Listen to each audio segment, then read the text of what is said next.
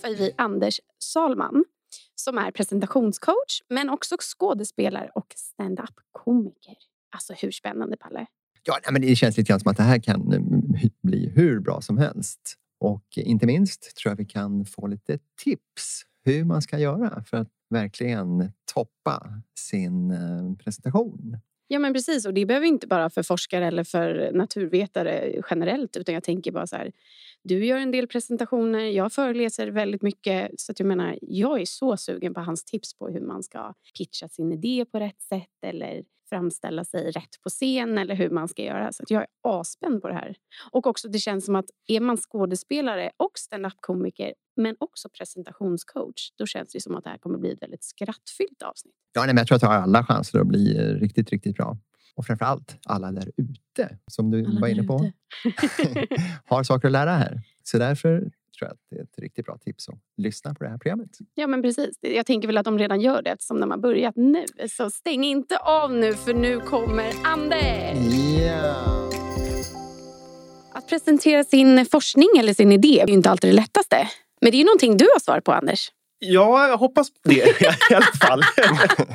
Men hur kommer det sig att du kom dit? Alltså, varför lämnade du biotekniken bakom dig och eh, gick in i det här spåret? Jag har ju alltid haft en, eh, ett ben, ett intresse, ett hjärta i eh, showbusiness och teater och att framträda inför folk.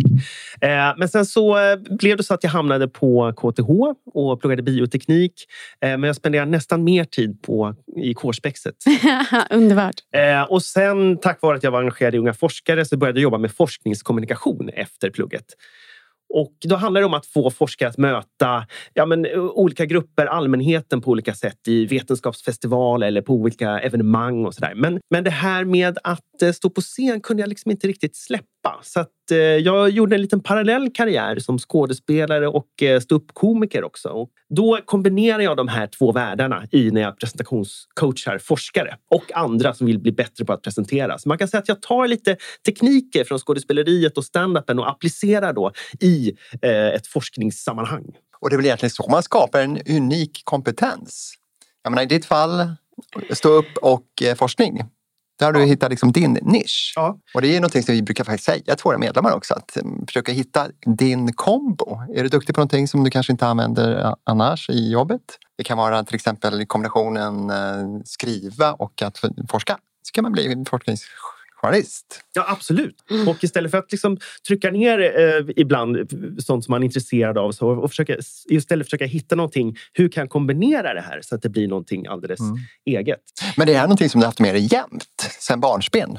Um, du tänker på? Ja, inte forskningen då, för det kan jag förstå. Att den kommer ju på KTH. Ja, ja, ja exakt. Den kommer ju där. Jag ja. tänker på din eh, vilja att uh, framträda för en publik. Absolut det har funnits eh, sedan jag var liten. När jag var liten så hade jag liksom en egen liten teaterscen Nej, i mitt underbart. eget rum och gjorde små teaterföreställningar för eh, släktingar och familj och sånt där. Så de har fått genomlida mycket. Gud vad härligt.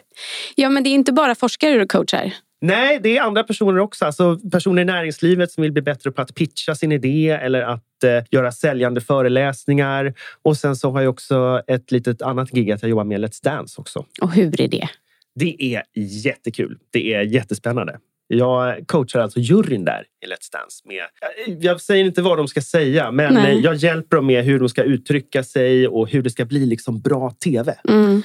Och jag kan tänka mig att det borde vara viktigt att de har lite olika roller, föreställer jag mig. Att de liksom inte blir för lika. Och de är väl i och för sig olika redan från början. Är det någonting som du försöker förstärka? Absolut. Man tar ju deras egna personligheter och förstärker lite grann så att det blir liksom mer... Bättre tv. Ja, precis. Mm. Det, jag tror att det är det som jag har lärt mig mest. Största skillnaden mellan tv och vad ska man säga, vanliga livet mm. är att i vanliga livet när man håller en presentation och så, här, så vill man gärna att ingen ska bli upprörd utan alla ska liksom gå med på det som jag säger och eh, alla ska gå därifrån och vara glada. Men i tv är det tvärtom. Där letar man efter det här, det som sticker ut, det som skapar känslor. Så att, um, är det någonting man ska ta med sig, tycker du, i vanliga presentationer? Det tycker jag absolut.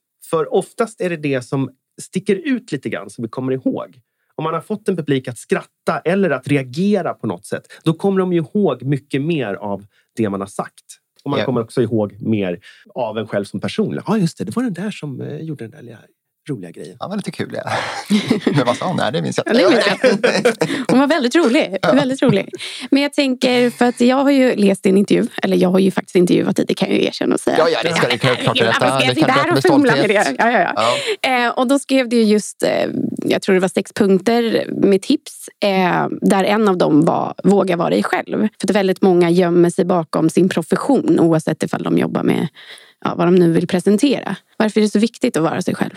Därför att jag har ju gått Kalle Flygas teaterskola. Och den första lektionen vi fick göra där, då fick vi sätta oss och intervjua varandra i tio minuter, två och två. Eh, och sen skulle vi gå upp och presentera den andra personen. Så att jag skulle säga, ja men det här är John, han bor där och där. Och då skulle vi göra den presentationen på tre olika sätt. Först skulle vi bara göra den rakt upp och ner. Andra gången skulle vi göra den så bra vi bara kunde. Och tredje gången skulle vi göra det så dåligt vi bara kunde. Vi skulle Mhm. misslyckas med allt. Vi fick, vi fick också misslyckas med att misslyckas. Och då kan man ju undra, vad, vilken av de här tre varianterna var den som blev bäst? Jag tror misslyckandet. Exakt. Mm. Därför att när man skulle försöka göra den så bra som möjligt, då börjar man tänka på alla regler som man har hört om hur man ska göra en bra presentation och så försökte man följa reglerna.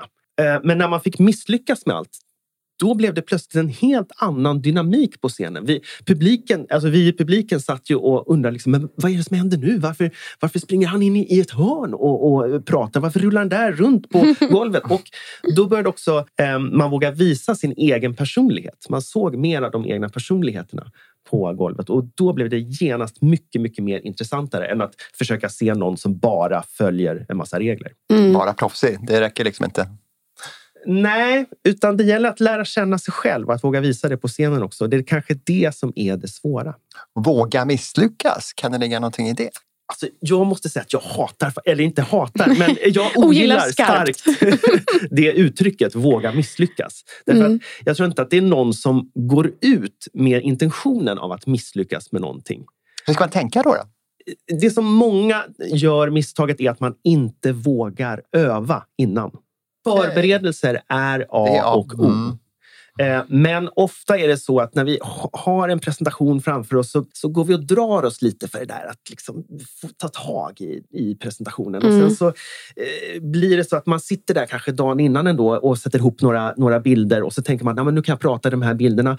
Och sen om det blir en dålig presentation, då har man alltid, då har man alltid ursäkten av att Nej, men jag la ändå inte så himla mycket tid på det här. Så att det, däremot man börjar och fundera innan på vad är det egentligen som jag skulle vilja förmedla till den här publiken. Och sen så lär sig materialet ordentligt. Då har man mycket, mycket bättre förutsättningar för att misslyckas.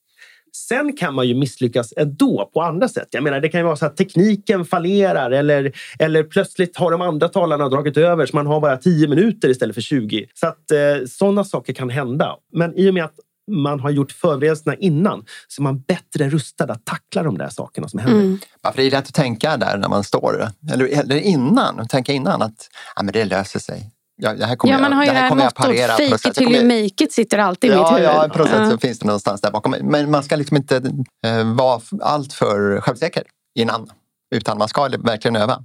Ja, de bästa talarna har ju alltid ett visst mått av självkritik också i sig. Det är oftast de som tror att de är självsäkra och tänker så här, "Ah, men det här fixar jag. Det är, det är de som inte riktigt klarar sig sen på, på scenen.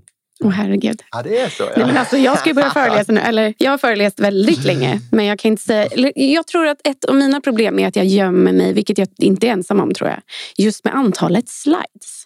Alltså Ja. på powerpoint. Alltså det, det är någon så här liten napp man håller i. Så, här. så att om jag ramlar bort mig i manuset så har ju de ändå någonting att titta på. Precis. Och det är ju inte de bästa föreläsningarna. Det är, man minns ju personen. Man skiter ju nästan i Ja. presentationen. Absolut. Men det är någon napp jag håller i. Liksom. Ja, men så är det. Och det, så är det för många forskare. Alltså de flesta forskare som jag träffar, eh, när, jag, när jag pratar med dem om presentation, då märker jag att vad de menar med presentationen, det är deras slides. Mm. Men för mig är ju presentationen vad du säger och slidesen tillsammans. Det är Mm. det som skapar presentationen. Slidesen ska ju vara där för att förstärka det du säger. Det ska inte vara det du det säger. du säger. Nej, precis. Så är det ju. Men det kan jag också märka, för det finns ju en otrolig utmaning vi har nu när vi har ställt om digitalt. Alltså när jag föreläste förut, innan eh, pandemin, då var det liksom så här, ja, men jag sitter ju med publiken, då ser jag att någon är arg nu. Lite så här, då ska jag få dig att le nu. Eller så här, okej, okay, men ni tyckte det där var kul. Så att man liksom, det är som en dans med publiken. Men nu när man står rakt upp och ner och glor på sig själv på en skärm, alltså det, Nej, man får typ jobba ännu mer med sin energi. Ja. Och att föreläsa digitalt är också en stor skillnad mot att föreläsa inför publik, precis som mm. du säger. Så att då man, man måste tänka om. Dels så måste man korta ner till exempel. Om man är van att hålla en 90 minuters föreläsning så funkar inte det digitalt utan det är max liksom 15-20 minuter. Åh herregud vad jag har kapat. Ja, det är en utmaning här. och sen så får man också tänka på om man ska visa bilder så måste man tänka på att vi tittar på mycket mindre skärmar än vad en normalt i en stor föreläsningssal. Så att visa dina slides på din mobil till exempel och se, se vad de här bilderna föreställer egentligen. Nej, gör jag inte det, då, då får jag göra om. Eh, och sen så gäller det också att hitta sätt att engagera publiken digitalt. Och det kan man göra ganska lätt. Alltså. Man kan ställa lite frågor då och då. Eh, vad tycker ni om det här? Skriv i chatten eller be dem räcka upp handen eller göra någonting så att man hela tiden ungefär liksom var femte, tionde minut så aktiverar man publiken på något sätt så att de inte sitter och somnar framför skärmarna. Ja, men precis. Gud vilket bra tips. Ja, det var ju verkligen. Ja. Så lite interaktivitet. Interaktivitet, absolut. Mm. Men jag tror det värsta jag vet, det låter så hemskt. Men eh, jo, men när man går och tittar på en, en som eh, liksom föreläser eller whatever som har en monoton röst som låter så här hela tiden och så blir det inte, dram alltså det blir inte någon dramaturgi Nej. i rösten. Då somnar jag. Mm. Och då börjar jag titta på så här, har du knutit skosnörena och hur ser den här lappen ut här på stolen? Eh, jobbar du med sånt också? Röstteknik? Absolut. Mm. Röstteknik. Det ligger egentligen inte bara i rösten utan det ligger också i, som jag sa, ens egen personlighet och hur intresserad man är av det som man berättar om. Därför att vi, vi hör ju det här uttrycket berätta med passion, mm. berätta med engagemang. Och det är inte så, alltid så himla lätt om det är någonting tråkigt man ska berätta. ja, då funkar inte det alltid. Nej. Ja, när, jag, så, när jag coachar forskare till exempel så brukar jag säga att det kanske inte alltid är själva forskningen i sig som är det, det som gör dig mest engagerad och passionerad. Det kanske inte är det här att stå och pipettera på labbet som gör att som det är roliga. Men det finns någonting kring forskningen. Alltså det som gjorde att du blev forskare eller vilka du, du ser fram emot att hjälpa med din forskning. Det finns någonting runt det där som gör folk engagerade. Och så fort en person pratar om någonting som gör den engagerad så händer det någonting med personligheten och då händer det någonting också hos publiken. För vi märker direkt när den här känslan är genuin. Mm. Och inte bara jag tänker, precis, säg att man har lite släpig röst sådär. Men de har något intressant att säga. Och sen så ett råd är ju då att vara personlig. Var dig själv. Ja. Ska man låta den här släpigheten finnas kvar ändå?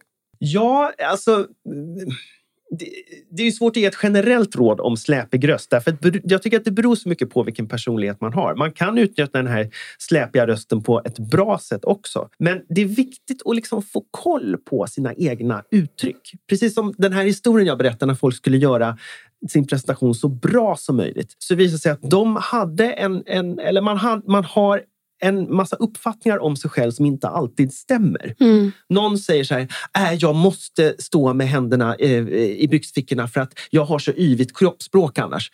Nej, det skulle jag inte säga att du har. Eller, eller jag måste, eh, min röst är så tråkig så därför pratar jag så himla tyst. Liksom. Nej, men, så vi har en massa uppfattningar om oss själva som vi inte riktigt vet om som inte alls behöver stämma. Nej, men, men, ni, lyssnarna ser ju nu inte Anders här, hur han rör sig när han sitter här vid mikrofonen. Men det kan vi se, det kan vi se då att eh, du fäktar ju ganska ordentligt. Och det gör jag också. Ja, det gör vi alla tre här inne. Ja, ja, jag skulle jag alla tre.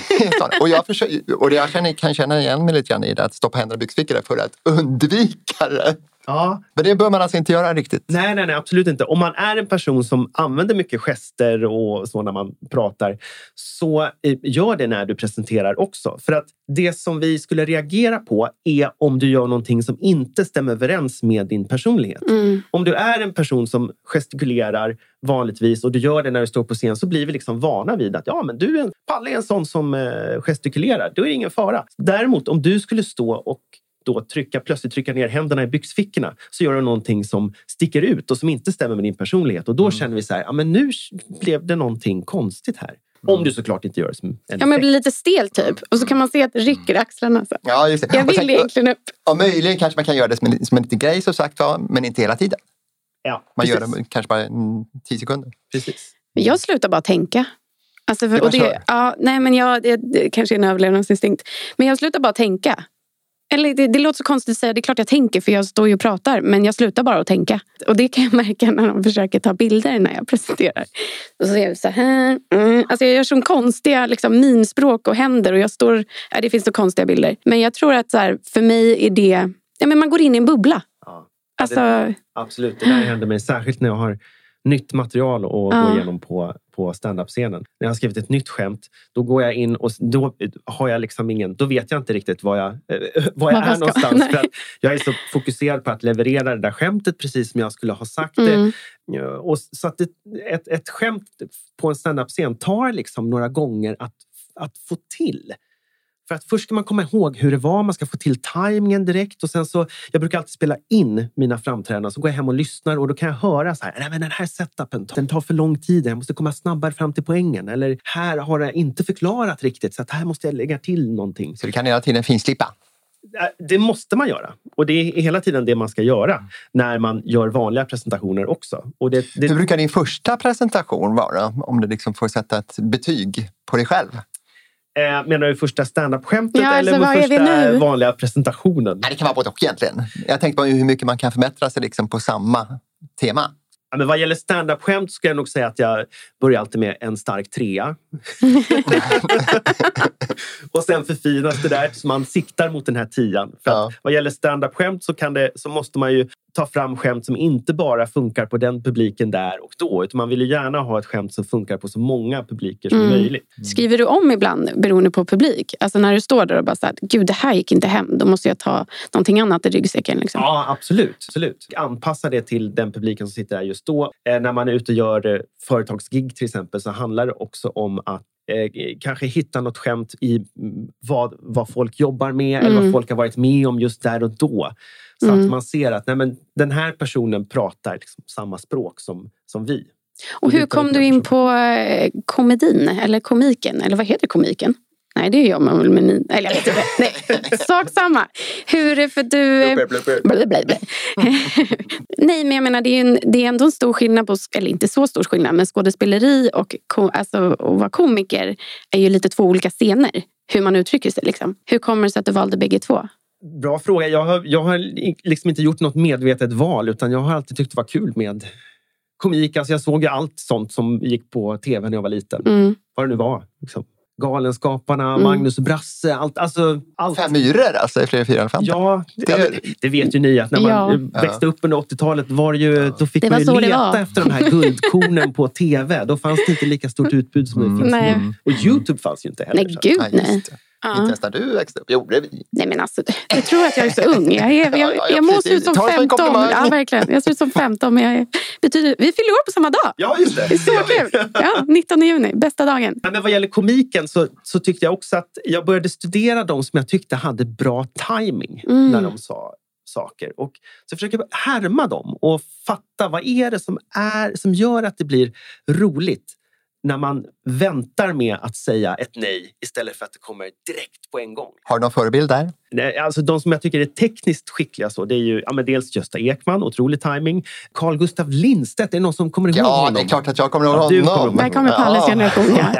Händer det ju. Nej, men, och sen också eh, Robert Gustafsson. Otroligt tekniskt eh, ah, bra. Underbar. Men jag tänker lite grann på om man står där som forskare. Man forskar kanske på aminosyror. Mm. Och det kan ju låta... De breda frälsarna de går igång på det här direkt. Kemister och andra, bioteknologer. Men det finns ju många där ute som, jaha vadå? Hur kul kan det vara? Mm. Hur kan man göra en sån grej intressant? Jo, för det första så gäller det att begränsa sig. Eh, och med det menar jag att man, de flesta forskare eh, vill gärna berätta så mycket som möjligt om sitt ämne. Men det första man ska göra är att fundera på vilka är det jag presenterar för? Och vad är det de egentligen behöver veta om det här ämnet? Vad är liksom det nya som jag kan lära, lära dem just här? Och då bestämmer man sig för ett huvudbudskap som man ska förmedla. Och eh, att göra det, det minskar risken för att man ska försvinna ut och ta med information som inte är relevant för just den här publiken. Det finns eh, Neil deGrasse Tyson är, är en astrofysiker i USA som eh, som är en stor forskningskommunikatör där. Han brukar, säga, han brukar berätta det som en pedagogisk approximation. Alltså för den här publiken kan jag säga att jorden är rund och det är det som de behöver veta just nu. Men för en annan publik så kanske man säger att jorden är ju inte riktigt rund. Va? Den är ju lite mer oval och sen för nästa publik så går man in mer på detaljer och säger att nej, men den är faktiskt päronformad beroende på vad publiken känner till om din forskning. Så det är det första. Bestäm vad är det viktigaste som du vill förmedla. Eh, och sen så är också det viktiga vad är det du ska komma fram till med din... Om du ska berätta om din forskning, vad finns plötsligt i världen när du är klar med din forskning som inte fanns där förut? För vi vill gärna veta vad ska det, här, vad ska det bli av det här? Då? Vad ska det leda till? Och hur, hur kan jag eh, få nytta av det här på något sätt? Ska det finnas ett problem som man ska lösa? Exakt. Så att man måste berätta också vad är det för stort problem som jag ska lösa med min forskning. Och då pratar jag inte om själva forskningsfrågan, därför att det kan ju ibland bli ganska trist. Ehm, alltså att gå direkt in på forskningsfrågan. Om jag forskar om ett protein som spelar en viss roll i en sjukdom till exempel, så börjar jag inte med att berätta om själva proteinet, som QXRZ, som bla bla bla, utan då börjar jag med att berätta om själva sjukdomen. Hur många drabbas varje år? Vad får patienterna för symptom? Vad, eh, data, exempel, historier. Och sen kan jag gå in och säga Ja, men min approach till det här är att jag forskar på det här lilla proteinet som kan ha en, en, spela en viss roll i utvecklingen av den här sjukdomen. Och när jag är klar så hoppas jag att vi har en bit på väg till ett botemedel. Mm. Och det är nyttan då kan man säga. Det är nyttan, precis. Så egentligen kan man dela upp det i tre eller i fyra olika saker. Så att först bestäm huvudbudskapet. Sen strukturen är problem, lösning, nytta. Vad är huvudproblemet? Hur går jag tillväga för att lösa det här och vad blir resultatet? Och sen, vem kan ha nytta av det här? Då? Så det gäller som forskare att sätta sig ner och fundera lite kring sin forskning. Och också, vilka är det som påverkas av min forskning? Därför att all forskning påverkar någon eller några. Och det är viktigt att man definierar liksom vilka, det, eller vilka eller vad det är. Och varför är det så viktigt att kunna presentera sin forskning? Räcker det liksom inte att jag eh, sitter på min kammare och löser de uppgifter som jag ska lösa och sen om 30 år så kommer jag en, en ny, ett nytt läkemedel? Alltså det är ju högst individuellt såklart. Det är inte alla som tycker att det är kul att presentera eller liksom ska göra så att det, man får göra som man vill såklart. Men det finns faktiskt studier som visar att de som är bra på att kommunicera om sin forskning är också bättre forskare därför att det kan öka kvaliteten på ens forskning. Därför att är man bra på att kommunicera och berätta och förklara om sin forskning så ökar chanserna att nå ut med den. Det vill säga man har lättare att attrahera finansiärer till exempel. Eller att få politiker att lyssna eller att få investerare om man nu vill bygga företag av sin forskning. Men om man också är ute och pratar om sin forskning för olika målgrupper så möter man också frågor som man själv kanske inte hade tänkt på. Och därigenom så kan man få nya uppslag till sin forskning och därigenom så ökar också kvaliteten på forskningen. Så liksom i dialogen kan nya idéer födas? A absolut, absolut. Mm. Man slipper bli missuppfattad? Ja. Eh, jag tycker att den dialogen är jätteviktig. Det har vi ju sett exempel på nu i de här pandemitiderna när folk skriker efter svaren från forskningen. Men där man märker att forskningen inte alltid ställer samma frågor som samhället vill ha svar på. Till mm. exempel, jag menar munskydd till exempel. Vi vet ju inte vad, det, vad munskydd har för stora effekter. Eh, alltså effekter i en stor population. Vi vet hur det funkar liksom på mikronivå. Men det börjar komma studier om nu. Eh, också om det här med lockdowns. Det, det, är ingen som har forskat på om lockdowns funkar eller inte. Liksom. Så att eh, just i den dialogen så behövs ehm, ja, det, det, den dialogen behövs för att, för att samhälls och forskning ska kunna komma vidare, tänker jag. Och också våga prata om det i olika typer av sammanhang. Alltså inte alltid bara för en publik. Alltså berätta för din femåriga son. Alltså på ett sätt så att alla förstår. För att jag menar, ibland så är det som människor är såna experter på det de säger. Så att man sitter där och man är någon journalist som ska skriva om det till exempel. Så bara väljs det över massa anekdoter och man bara, nej alltså jag, jag kanske har en rubrik här. Alltså att man också ska kunna prata med olika typer av språk. Ja. Så att det når ut till allmänheten. tänker jag. Våga prata om det på middagen som du sa till mig när jag intervjuade Ja, dig. och sen, ja, och sen dessutom, jag menar, journalister, de vill ju begripa för att kunna skriva om det. Ja, Och är det som man möter en vilket gynnar forskare- forskarna. Ja, just det. Precis. Och är det som man möter en forskare som inte kan förklara vad man håller på med, då är det ju, de, de blir inte uppringda av journalister. Nej, och jag vet att ibland finns det lite, en liten misstro mellan liksom, forskare och journalister. Som forskare känner man kanske att man har blivit fel citerad eller att Mm. journalisten inte har förstått riktigt vad det är man håller på med. Men jag brukar säga det att om man har lärt sig då att förklara sin forskning på ett kort och enkelt och lättfattligt sätt så tar man också kontrollen sen över hur ens forskning framställs. För då, det viktigaste tycker jag är att alltså en presentation är ju egentligen början på en konversation. Så jag ska presentera en idé för er som gör att ni sen blir intresserade och ställer frågor. Och då kan jag bygga på sen med komplexitet utefter vilka frågor ni ställer.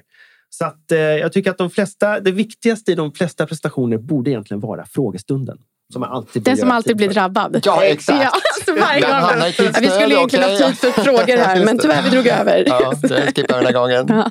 Och apropå frågor, jag tycker vi går över till nästa kapitel.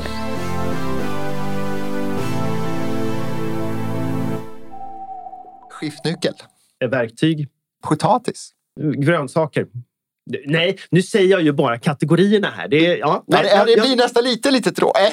Du får inte säga Nej, tråkigt! det är tråkigt för att säga. Men, Nej. men framförallt var det fel, för det är, potatis är inte en grönsak. nej, exakt. Det var dit jag ville komma. Nej. Hiss. Stopp. Netflix eller bio? Netflix. Varför? Utbudet och eh, binge-watching. Stand-up eller skådespeleri? Jag skulle nog säga skådespeleri faktiskt. Jag tycker att det finns någonting... Jag har alltid varit fascinerad av skådespeleri. Att eh, gå in och uppleva någon annans perspektiv och någon annans känslor. Och, men men eh, där får jag också använda sidor av mig själv som jag kanske inte vågar visa i vanliga livet heller. Ramlösa eller läsk? Ramlösa. Oj, det var snabbt. Jag älskar bubbelvatten, men jag Ja. dricker inte läsk så ofta numera. Vilken smak på bubbelvattnet? Eh, helst bara vanlig naturell. Okej. Jag tänkte så här, det vore väldigt läskigt om du sa granatäpple här, för då är vi typ soulmates. Ja! Samma födelsedag, vi är typ tvillingsjälar.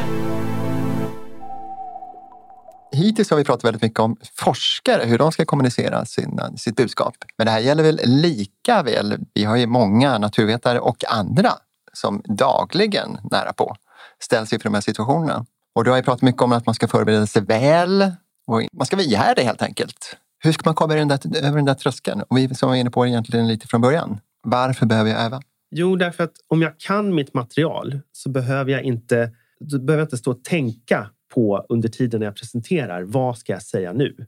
Utan då kan jag koncentrera mig på andra saker som till exempel hur säger jag det här nu? Har jag tillräcklig ögonkontakt med publiken och eh, reagerar de på vad, det, vad jag säger? Så, så ju mer förberedd man är, desto mer kan man ägna sig åt de andra sakerna som gör en presentation bra Vem ska jag öva på? öva på så många du kan faktiskt. Eh, öva på, på kompisar eller släkt eller vänner. Men ett tips då när du ska testa det på någon. Be dem att återberätta vad du just har sagt. Därför att ofta kan det vara så om vi ber en kollega eller en, en familjemedlem eller så här, ja, men jag ska göra en presentation, kan du kolla lite på, på det här? Och så gör man sin presentation och så frågar man andra, personer, så här, ja, men vad tyckte du? Då säger de oftast, ja, de är bra. Och det ger inte så mycket information. Men om man säger så här, men kan du återberätta vad jag, vad, vad jag sa nu? Då får man ett mycket bättre kvitto på hur den personen, vad den personen har uppfattat från din presentation. Om det var samma sak som du hade tänkt. Eller om det är någonting där de fastnar lite grann. Kanske något ord eller någon formulering som, du, som var lite knepig. Eller vad de minns. Precis, Ja. vad de minns också. Så att man måste lägga en del tid på om man vill bli en bra talare. Och ofta är det det som vi inte riktigt vågar göra, att lägga den tiden. Och det tror jag också beror på att vi har ingen riktig struktur för hur vi ska gör, göra en presentation och hur vi ska förbättra oss också. Men det känns ju som amerikaner, de föds ju in i det där. Retorik, alltså de lär sig ju debatt i grundskolan. Liksom. Och ibland när man hör dem tala, man bara speech. Och så, så är det, liksom, det är på något sätt som att vi svenskar har tappat det där. Att det får vi ta i vuxen ålder. Medan det finns i barndomen hos ja, andra. Ja, jag kan ju bara prata utifrån mina egna erfarenheter. Mm. Jag vet inte hur skolan ser ut nu, men när vi skulle presentera grupparbeten och så i skolan så, så var det själva presentationen som var målet att göra det. Vi fick, vi fick aldrig någon feedback på hur vi skulle kunna göra det bättre eller hur vi, om vi kan göra det annorlunda på något sätt. Utan det var liksom själva presentationen som var det viktiga. Och sen förväntades det bara att man skulle kunna det. ja, precis. Antingen kan man det från början, man är talang. Ja. Eller också kan man inte. Men, Men de här som inte kan det riktigt från början, man kanske ser sig själv att inte vara den här talangen. Hur mycket kan man träna upp? Jätte, jättemycket. Alltså det är därför det heter presentationsteknik. Därför det är en teknik som man kan öva, pröva och lära sig. Och det första steget är, nu är det ju faktiskt lättare när vi, har, eh, när vi gör mycket digitala presentationer. Det är väldigt mycket lättare att spela in sig själv faktiskt. Och det är oftast det bästa sättet. Det är jobbigt, jag vet. Det är oh, Gud, jag bara, oh, herregud. Men då kan man börja med att spela in ljudet mm. av sig själv och lyssna igenom och fundera på, ja, men kan jag göra det här på något annat sätt? Kan jag göra det, det bättre? jag tror också att man måste se det som en process. Att se varje tillfälle att, som man har att presentera som ett tillfälle att öva på någonting nytt. Så att man inte ser varje presentation som ett mål i sig. Då bygger man ofta upp orimliga förväntningar och man blir ofta mer nervös. Men om man ser ja, men det här tillfället är ännu ett sätt för mig att öva på att bli en bättre talare. Och då kanske ge sig själv små utmaningar varje gång. Så gjorde jag när jag skulle började med stand-up. Att I början så var det ju jätteläskigt. Och mitt första mål för mitt första, allra första standup-gig var bara att jag ska bara gå upp och så ska jag dra mitt material och sen ska jag gå ner på scenen. Jag struntar i om folk skrattar eller inte. Jag ska bara ta mig igenom det här. Och så gjorde jag det och då kunde jag känna mig nöjd med det. Och sen fortsatte jag ge mig själv sådana små utmaningar. Så, ah, men nu ska jag testa att säga det här skämtet på det här sättet. Jag kanske kan vända på ordningen här. Och, eh, och då får jag liksom mer information om vad som funkar.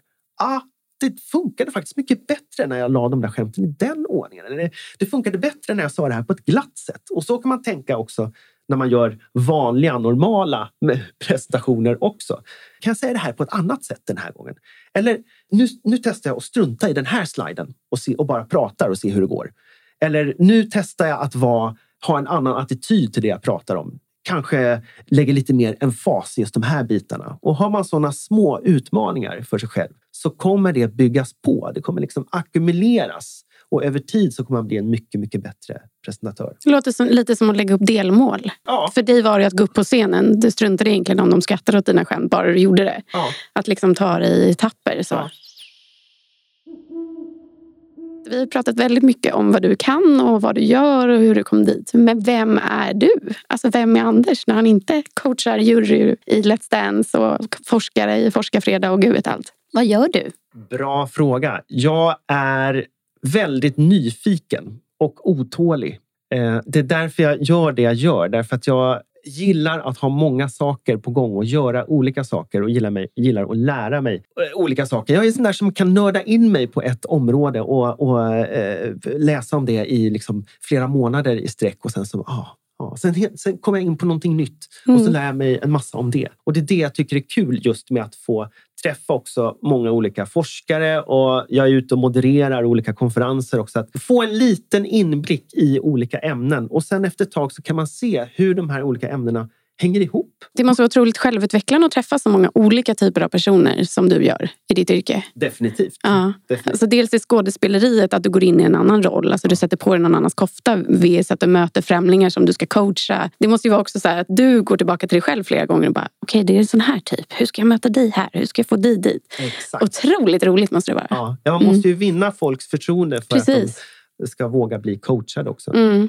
Nej, jag, jag, jag, tycker det är jätteintressant. Och det som är roligt också när jag får prestationscoacha någon, eller hjälpa någon med sin prestation eller läsa på och, och förprata med någon inför en konferens, är att jag får ju ställa frågor till de personerna. Så att jag får ställa liksom, lite dumma frågor så jag kan lära mig mer. Det tycker jag är en, en, en ynnest. Mm. Vi vet ju att eh, Anders här eh, coachar forskare till den här Forskar Grand Prix.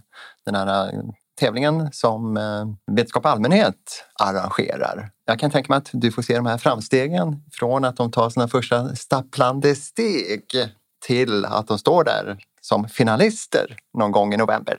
Den, den resan måste ju vara jättespännande. Vad skulle du säga, eh, vilka fällor är de vanligaste att gå i? De vanligaste fällorna är precis som det eh, som jag sa förut, att inte välja och välja bort vad det är mm, man mm. inte behöver berätta om och vad är det jag behöver berätta om. Sen är det lite olika. Jag ska säga, folk frågar så här, men finns det något, finns det något eh, sätt att vinna? Då? Vad är dina bästa tips för att vinna Forskare om Prix? Och det finns ju bara ett sätt och det är öva och testa presentationen på så många personer som möjligt. Det har vi varit inne på tidigare helt enkelt. Ja, exakt. Men det är väldigt roligt tycker jag för att när jag träffar forskarna så kommer de ju först med ett utkast till sin presentation som de ska göra. Och det kan se ut på lite olika sätt. Vissa har bara några lösa tankar om vad de vill göra eller vissa har utmejslade liksom, presentationer. Så här ska vi göra. Men ofta är det någon slags mellanting där man gör eh, ett utkast till sin presentation som jag tänker så här. Ja, men det där är väl okej, okay, men vi behöver bena upp lite. Vad är det här? Liksom? Vad är det egentligen som man vill förmedla? Och då sätter man sig ner med forskaren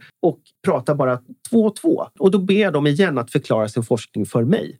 Och i de samtalen kommer oftast lysande formuleringar och lysande liksom liknelser och berättelser. Och då säger jag så här, det, det är exakt det här. Det är exakt så här som du ska berätta om det på. Men kan jag göra det? det jag tror det inte. Nej, Nej. Det, det är bara... Nej, och jag brukar följa de där finalerna och eh, har upptäckt hos mig själv att de från början, till synes helt ointressanta frågorna, de kan bli jätteintressanta. Visst. Det är ju fascinerande. Ja. Vi kanske säga då Forskare Prix är ju lite som idol för forskare. Mm, så att, eh, de får fyra minuter på sig att mm, förklara mm. sin forskning. Och sen så blir de då bedömda av en jury på tre personer. Eh, och sen så är det publiken och juryn som avgör vem som är den bästa forskningspresentatören. Alltså inte mm. bästa forskaren utan bästa mm. presentatören av sin forskning. Och ibland kan det vara lite knepigt att få forskare att ställa upp till den här tävlingen. Man inser plötsligt hur mycket jobb som måste ligga bakom de här fyra minuterna. Men av de som har varit med så är det ingen någonsin som, har ångrat det. Därför att man har fått ut så mycket av det här tycker man. Alltså, de har lärt sig mycket om prestationsteknik, de har lärt sig mycket mer om att möta en publik. Så just den här utmaningen är någonting som många har sagt är någonting som har haft med sig sen i hela livet. Och jag brukar säga det att du tränar inte bara för de här fyra minuterna. Du tränar ju för alla andra presentationer du kommer göra i din karriär sen. Hur är det för dig att titta på olika typer av presentatörer eller om du går och ser på någon konferens och så är det en moderator? är du liksom arbetsskadad? Du sitter så här, där hade du kunnat dragit ut lite. Där hade du kunnat säga det där snabbare. Har du blivit liksom så arbetsskadad kan man säga? Absolut. Ja, jag förstår det. Mm. Jag sitter och tittar på tekniker och jag sitter också och funderar på liksom, vad är det som gör det här bra då? Mm. Om jag ser någonting som är riktigt bra. Men vad, vad, är det, vad var det som gjorde det här bra? Försöker liksom dissekera ner det i, sin, i, i de minsta beståndsdelarna. För jag, jag, gillar det här när man kan ge, vara konkret och tydlig och ge liksom tydliga och bra tips som folk kan omsätta direkt. Men den stora skräcken för många talare, det är ju, och framförallt de här digitala tiderna, det är ju att tekniken fallerar. Ja, oh, herregud, det gjorde det igår för styrelsen. Ja, och det, och det kan liksom förstöra. Det kan liksom bli en eh, total kollaps. Mm. Hur tycker du att, har du något tips för att klara situationen? Um, ja, eh, alltså man ska ju kunna sitt material så bra som möjligt så att man skulle kunna köra det även om slidesen inte fungerar. Och um, att vara förberedd på de här olika situationer som kan uppstå det är någonting som man lär sig också av erfarenhet. Men eh, fundera på vad är en plan B? Alltså, ofta är man ju lite nervös inför en presentation. Och då om man går och försöker och acceptera den nervositeten och fundera på men vad är det jag föreställer mig ska hända här nu då? Hmm, ja just det, det där kan hända och det där kan hända. Ja, men då ha, jag ha en plan för det. I standup till exempel så finns det folk som säger att du ska ha en comeback på varje sak som kan inträffa på scenen. Någon tappar ett glas i publiken, du kommer upp, mikrofonstativet är alldeles för kort, mikrofonen pajar, ljuset fallerar. Att man har, någon, att man har liksom förberett någon liten ja, grej. Ja, ja, just det med att man kan göra en grej av det då istället. Ja, Mm. Det, det, handlar ofta om i stand-up att man är där och nu och påpekar det som händer i rummet här just nu. Och det är någonting som man också kan göra i eh, vanliga presentationer om någonting skulle fallera. Det bästa är bara att säga att, att inte försöka mörka och, utan bara säga så här. Oj, nu blev det visst lite fel här. Eller oj, nu kom jag av mig lite grann. Om man direkt adresserar vad det är som har gått fel eller hur man känner inför det, då är alla med dig.